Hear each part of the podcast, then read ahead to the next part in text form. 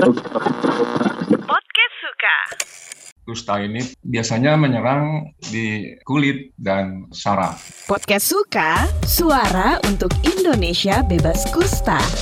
Podcast Suka. Halo, kamu sedang mendengarkan podcast Suka, suara untuk Indonesia bebas kusta. Bersama saya Indra Saputra, dalam podcast yang dipersembahkan oleh NLR Indonesia ini, kita akan mengulik segala informasi tentang kusta, seperti gejala kusta, cara menangani pasien kusta, hingga berbagi pengalaman dengan para pakar dan orang yang pernah mengalami kusta atau OYPMK.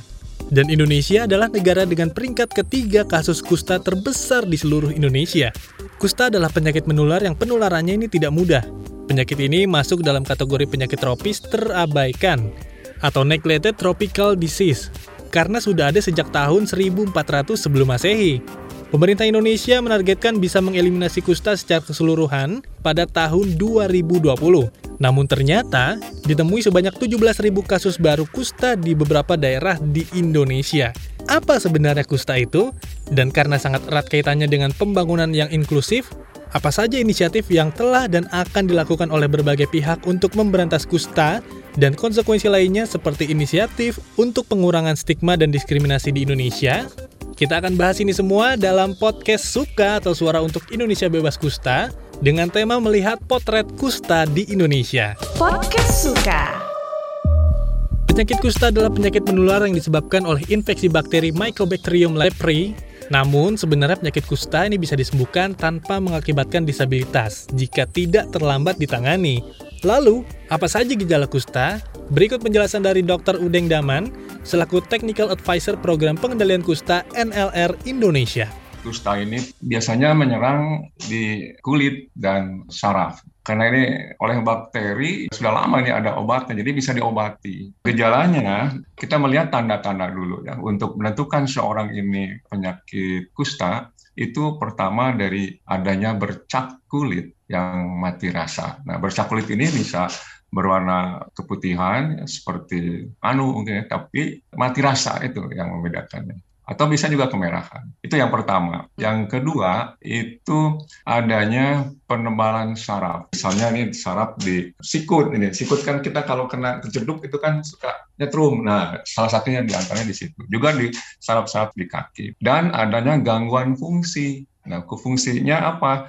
Karena saraf itu punya tiga fungsi, satu fungsi untuk bergerak atau motorik, yang kedua fungsi rasa, fungsi sensorik, dan ketiga otonom. Jadi bisa terjadi gangguan fungsi saraf tersebut. Yang ketiga itu ditemukannya bakteri. Walaupun ini tidak mutlak karena ada juga tipe kusta yang bakterinya negatif. Kalau MB itu MB ini tipe basah. Jadi kalau bakteri ini ada itu sudah jelas tipe basah. Tapi kalau bakterinya tidak ada dalam pemeriksaan lab itu belum tentu. Tapi yang penting salah satu tadi tiga tanda tadi ada itu sudah bisa diklasifikasikan kepada kusta. Tapi tadi uh, Ibu sebutkan terlambat, nah itu sudah ada terjadi gangguan fungsi. Misalnya di saraf mata di sini karena dia tidak bisa uh, menutup mata atau di lengan, di tangan. Ini menjadi apa kebal gitu, tidak hmm. terasa ataupun di telapak kaki sehingga kalau infeksi atau kena luka itu tidak terasa. Nah, itu yang akan menyebabkan menjadi luka. Hmm. Atau yang kedua, menyerang saraf motorik. Nah, mulai dari kekuatan ototnya melemah sampai sama sekali lumpuh. Jadi hmm. tangannya nggak bisa diangkat. Itu dari ringan sampai berat. Nah, kadang-kadang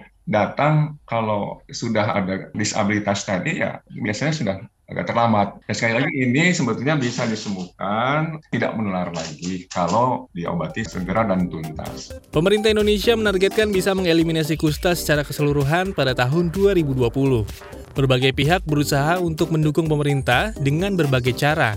PT United Tractors merupakan salah satu perusahaan swasta yang memiliki inisiatif dalam membangun sistem ketenaga kerjaan yang inklusif di lingkungan perusahaannya termasuk upaya pengurangan stigma dan diskriminasi yang sangat relevan dihadapi oleh orang yang pernah mengalami kusta dan disabilitas lainnya. Lalu, seperti apa bentuk inisiatif yang mereka lakukan? Berikut penjelasan dari Monica Sinta selaku tim leader CSR PT United Tractors. Di UT kami tidak langsung menyasar terhadap isu kustanya Mbak, hmm. tapi memang di dalamnya langsung secara garis besar itu adalah inklusi disabilitas jenis apa pun.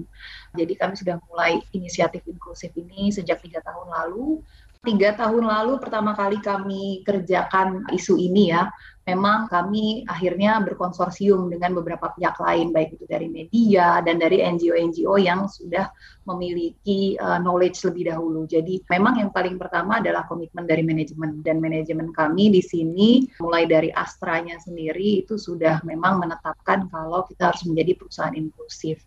Nah di tahun-tahun pertama itu memang masih awam sekali ya, hmm. sama mungkin dengan isu kusta seperti sekarang itu pasti orang masih awam, pasti tahunya banyak hal-hal negatifnya saja gitu, yeah. negatif. Dan kayak uh, masa iya sih mereka bisa kerja dan banyak hal-hal underestimate pastinya ya. Nah, namun setelah beriringnya waktu gitu kami awali dengan program pemagangan sebelum akhirnya ada perekrutan. Uh, jadi banyak testimoni yang kami kumpulkan dari user-usernya dari supervisor-supervisornya bagaimana sih kita uh, menilai teman-teman berkarya di lingkungan kerja. Kami pertama memang uh, mencoba memasukkan mereka di dalam grup bisnis kita ya tapi kita tahu sendiri namanya perusahaan pasti daya serap kekaryawanan kan tidak bisa banyak. Hmm. nggak bisa kita misalkan langsung pengen satu persen seribu di satu tahun pertama gitu. Itu pasti iya. berat. Sehingga kami juga melakukan program lain di bidang CSR ataupun corporate communication ini.